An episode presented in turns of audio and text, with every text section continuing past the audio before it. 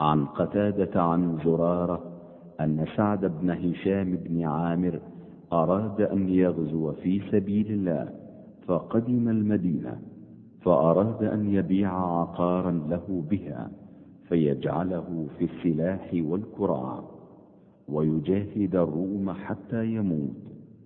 فلما قدم المدينة لقي أناسا من أهل المدينة فنهوه عن ذلك وأخبروه أن رهطا ستة أرادوا ذلك في حياة نبي الله صلى الله عليه وسلم فنهاهم نبي الله صلى الله عليه وسلم وقال أليس لكم في أسوة؟ فلما حدثوه بذلك راجع امرأته وقد كان طلقها وأشهد على رجعتها.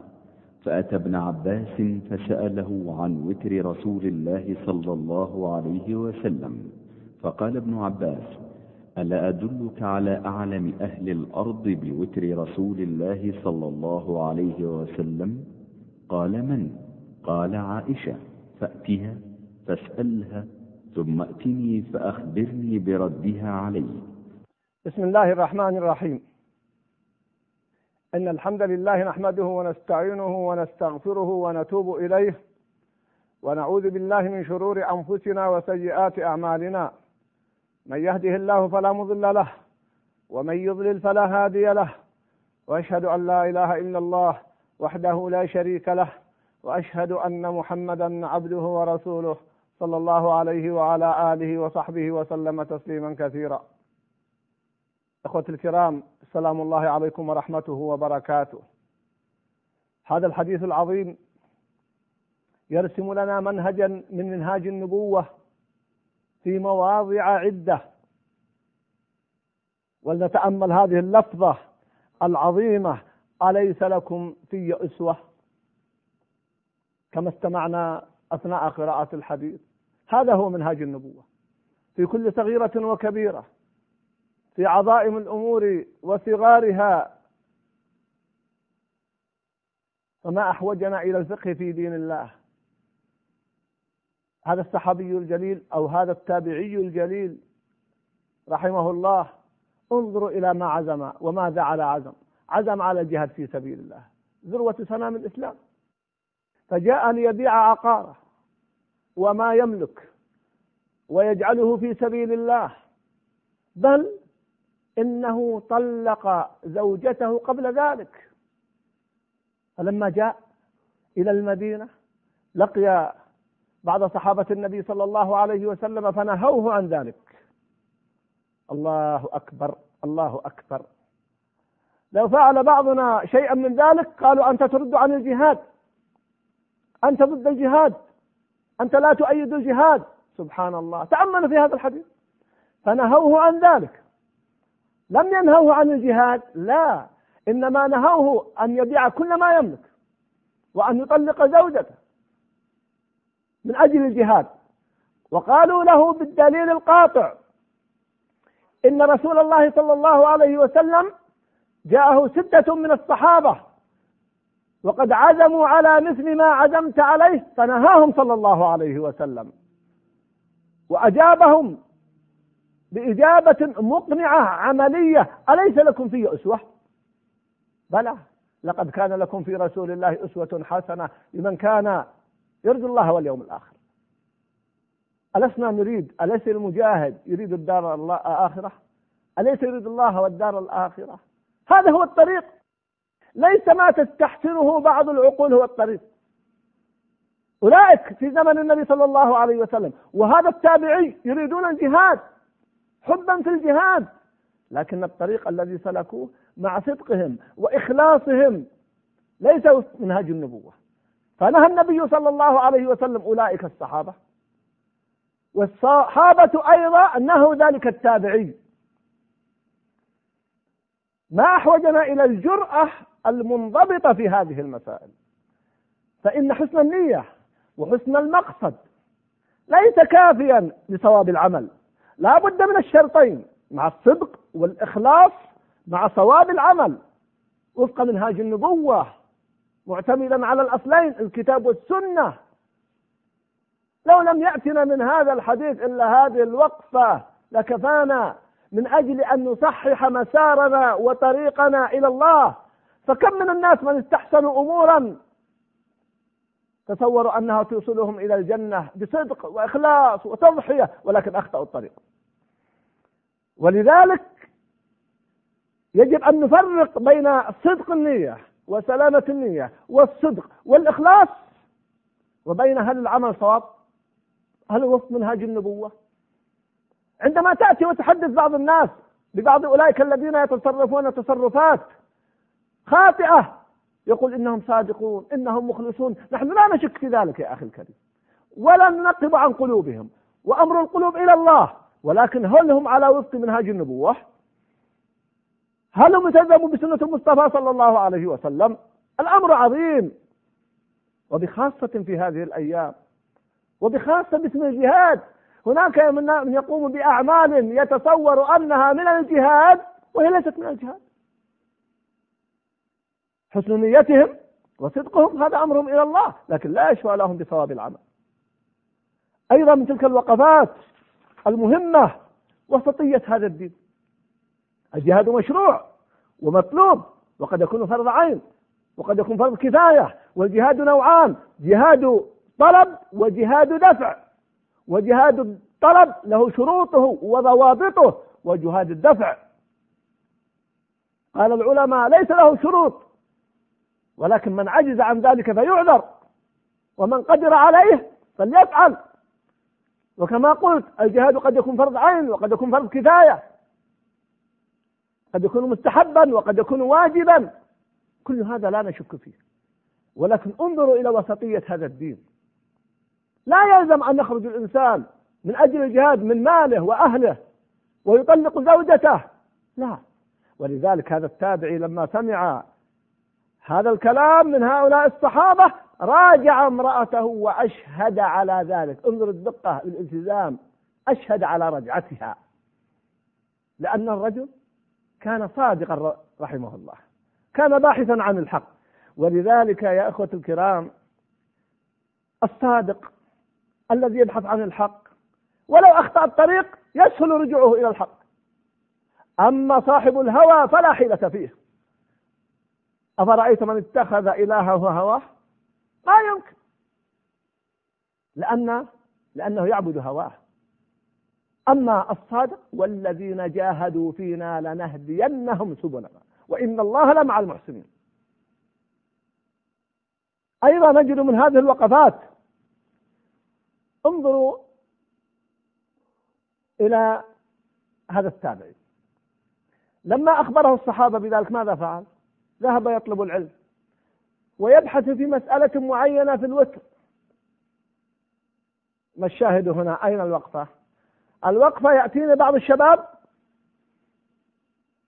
ويأتون لطلاب العلم ويقولون لهم لا ننصحكم بالذهاب للمكان الفلاني من أماكن الجهاد لمراعاة مصالح ومفاسد في وقت أو في زمن معين. يقولون ماذا نفعل؟ يقول لهم اطلبوا العلم. يقول لا. هذا الصحابي هذا التابعي ذهب يطلب العلم وفي مسألة معينة في قضية الوتر. وهذا الدين لا نقول جزئيات كلها مهمة وكلها كليات مع أن الوتر ليس بواجب على القول الصحيح وإن كان سنة مؤكدة لكنه ذهب يتفقه فيها. وذهب لابن عباس رضي الله عنهما وانظروا إلى هذا الموقف العجيب. مع ما بين ابن عباس وبين عائشة رضي الله عنهم من أمر كما هو في هذا الحديث. فنجد أن هذا الصحابي الجليل يحيل إلى عائشة رضي الله عنها ويقول له اذهب ألا أدلك على أعلم أهل الأرض؟ في يتر رسول الله صلى الله عليه وسلم. وهذا هو مبدأ التخصص. لو أن كل واحد منا اشتغل بتخصصه وبما يحسنه لسعدت الأمة. ابن عباس حبر الأمة ترجمان القرآن الذي دعا النبي صلى الله عليه وسلم بأن يفقه الله بالدين ويعلمه التأويل ومع ذلك يحيل هذا التابعي إلى عائشة رضي الله عنها. ما قال؟ أنا أجيبك. قال ألا أدلك على أعلم أهل الأرض يتر النبي صلى الله عليه وسلم. مبدأ التخصص كان في زمن النبي صلى الله عليه وسلم. فهو صلى الله عليه وسلم يقول أقرأكم أبي أفرضكم زيد أعلمكم بالحلال والحرام. معاذ. وهكذا. أقضاكم علي. فصحابة النبي صلى الله عليه وسلم أصحاب تخصصات. خالد سيف الله المسلول رضي الله عنهم أجمعين. إن قضية التخصص مبدأ مهم حتى في العلم الشرعي كما في العلوم المادية. والبعض يتصور أنه يجيد كل شيء ويفقه في كل شيء وهو عالم في كل فن. سبحان الله. هذا ابن عباس يحيل إلى عائشة. ثم لا يلزم من أن يكون الإنسان عالما في فن أن يكون عالما في الفنون الأخرى. انظروا إلى دقة عبارة ابن عباس. ألا أدلك على أعلم أهل الأرض؟ ولم يسكت. قال في وتر النبي صلى الله عليه وسلم.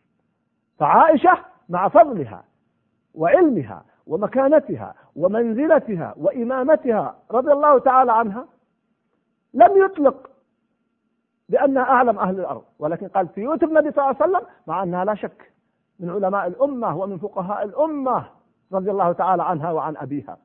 دقة في العبارات. نجد أيضا من هذه الوقفات ما قام به سعد بن هشام مع حكيم بن أفلح حيث أصلح ما بينه وبين عائشة وقد كان بينهما ما كان فأخذه وأقسم عليه. وهذا هو موضوع القسم الحقيقي. وكان موقف حكيم بن أفلح رائعا عندما بر بقسم أخيه. وذهب معه إلى عائشة مع ما بينه وبينها رضي الله عنهم أجمعين. وهنا يكون دور الأحبة في الإصلاح بين الأخوة إذا وقع في نفوسهم شيئا. إزالة ما في القلوب من شحناء أو أمور عارضة. يا ليتنا نفعل ذلك مع أنفسنا مع إخواننا. إذا علمنا أن أحد إخواننا وقع بينه وبين أخيه شحناء أن نقوم بالصلح. لا خير في كثير من نجواهم إلا من أمر بصدقة أو معروف أو إصلاح بين الناس. إذا علمت أن بين بعض أقاربك مشكلة أن تقوم بالصلح. البعض يا ليته يكتفي ويسلم الناس من شره ويدع الصلح فقط بل يزيد المشكلة ويزيد الشحناء. إذا علم أن بين اثنين ما بينهما زاد وبدأ ينقل كلام هذا وكلام ذاك ويوسع رقعة الخلاف وقد تمتد إلى عائلة هذا وعائلة ذاك وإلى أصحاب هذا وأصحاب ذاك. والمسلمون والمسلم من سلم المسلمون من شره وكف شره. ولذلك في وصية النبي صلى الله عليه وسلم لأبي ذر كما مر معنا وأن تكف شرك عن الناس صدقة منك على نفسك.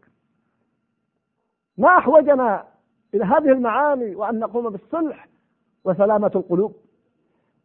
إذا أيضا نجد من إجابات عائشة رضي الله تعالى عنها.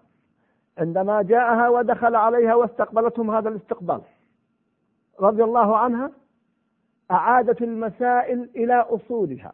أنبه إليه أخوتي من طلاب العلم والمشايخ وهو لا يغيب عن بالهم ولكنه من باب الذكرى. أنهم إذا أرادوا أن يجيبوا على مسألة أن يسلكوا مسلك عائشة رضي الله تعالى عنها. وهو منهج القرآن والسنة وأخذ به الصحابة وسلف الأمة. وهو أن يعيدوا الأمور إلى أصلها حتى إنها أصلت الموضوع وأجابت على سؤال السائل حتى إنه قال حتى هممت أن أقوم ولا أسأل أحد بعدها. لأنها شفته وكفته وأعادت الأمور إلى نصابها وفرعت بعد ذلك. وهذا يتضح أيضا فيه سعة صدر عائشة. مع حلمها على السائل وإشباع ما في نفسه البعض إذا أجاب إجابة وقال له السائل هل تدلني على الدليل؟ غضب وقال لا تثق بكلامي؟ سبحان الله سبحان الله. عائشة رضي الله عنها تجيب وتستدل. ومن هي عائشة في منزلتها ومكانتها؟ لم تقل ذلك. هذا نحتاج إليه. أيضا نجد من هذه المقافات المداومة على العمل. كما في نص هذا الحديث في قول عائشة رضي الله عنها وكان إذا صلى صلاة أحب أن يداوم عليها. المداومة على العمل أمر عظيم لا يستطيعه إلا الأقوياء أولي العزم وأولي العزيمة. وكان أحب العمل إليه ما داوم عليه صاحبه. وتصف عائشة رضي الله عنها عمل النبي صلى الله عليه وسلم فتقول وكان عمله ديمة. وكان أحب العمل إلى الله ما داوم عليه صاحبه وإن قل. لماذا؟ المشاهد والواقع أن بعض الناس وبعض الأخيار وبعض الطيبين يبدأ بعمل يبدأ بمشروع فإذا انتصف فيه انسحب ثم توقف المشروع بعد الخسائر وبعد التعب وبعد الجهود. وهذا نشاهده في كثير من أمورنا. مؤسسات قامت فانهارت لماذا؟ لأن أصحابها لم يستمروا في عملهم. مشاريع بدأ بها فلم تكمل. سنة المصطفى صلى الله عليه وسلم منهجه صلى الله عليه وسلم ونحن نتحدث عن منهاج النبوة. كان إذا صلى صلاة أحب أن يداوم عليها وهذا ليس في الصلاة فقط. كان عمله ديمة كما تقول عائشة في حديث آخر. وكان أحب العمل إليه ما داوم عليه صاحبه. أحب العمل إلى الله أدومه وإن قل. فوطنوا أنفسكم أيها الأحبة ولو كان العمل قليلا. أيضا مما أختم به هذه الحلقة أهمية الوتر والمحافظة على الوتر. ولي مع ذلك وقفات أوجزها بما يلي. الوقفة الأولى أن الوتر القول الراجح أنه سنة مؤكدة وليس بحتم وليس بفرض كالفريضة كما ورد ذلك عن صحابة النبي صلى الله عليه وسلم. والنبي صلى الله عليه وسلم لم يدع الوتر لا في حضر ولا سفر بل إنه في حديث جابر وهو أعظم حديث في باب الحج لما ذكر حج النبي صلى الله عليه وسلم وذكر مبيته في مزدلفة لم يذكر الوتر.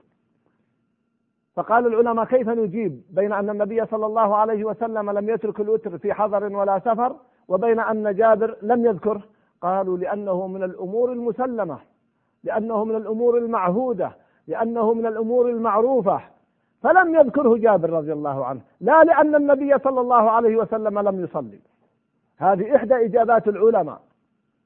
إنما ذكر الصلوات لتغير في شأنها التقديم في صلاة الفجر ما حدث في صلاة المغرب والعشاء والجمع بينهما والأذان والإقامة والفصل بينهما وهكذا. أما الوتر فكما هو. ثالثا أن الوتر الصحيح أنه أن أقله ركعة ولا حد لأكثره. هذا هو القول الراجح مع خلاف للعلماء في هذا الباب. فبعضهم قال لا يزيد على 11 ركعة وبعضهم قال على 13 ركعة. وأقول فالقول الراجح أنه لا حد لأكثره لقول النبي صلى الله عليه وسلم صلاة الليل مثنى مثنى. فإذا خشي أحدكم الصبح فليوتر بركعة أو كما قال صلى الله عليه وسلم. لكن لا شك أن الأفضل أن يقتصر على 11 ركعة أو على 13 ركعة. ولو صلى أقل من ذلك فقد ثبت عنه النبي صلى الله عليه وسلم أنه صلى كما في حديث عائشة تسع ركعات وصلى سبع ركعات وأوتر بخمس ركعات صلى الله عليه وسلم. فالأمر يسر فلا نشدد. أيضا من مسائل الوتر أنه الإنسان الأصل أن يصلي قائما فإن كان مريضا أو متعبا فيمكن أن يجمع بين القيام والقعود كما ثبت عنه النبي صلى الله عليه وسلم. كان يصلي قاعدا ثم إذا جاء الركوع وبقي عدة آيات قام وركع صلى الله عليه وسلم وممكن أن يصلي جالسا وبخاصة إذا كان مريضا. المهم أن لا يترك الوتر. النقطة الرابعة أو خامسة في الوتر أنك إذا فاتك الوتر فتصلي ما كنت تصلي في الليل وتضيف ركعة. لأنه ثبت عن النبي صلى الله عليه وسلم كما في هذا الحديث إذا فاته لمرض أو لسبب صلى ثنتي عشرة ركعة صلى الله عليه وسلم. وللعلماء تفصيلات وأقوال في المسألة ولكنني اقتصرت على هذه المسألة. أقف عند كلمة. قال بعض السلف من ترك الوتر فهو امرؤ سوء. لا يعني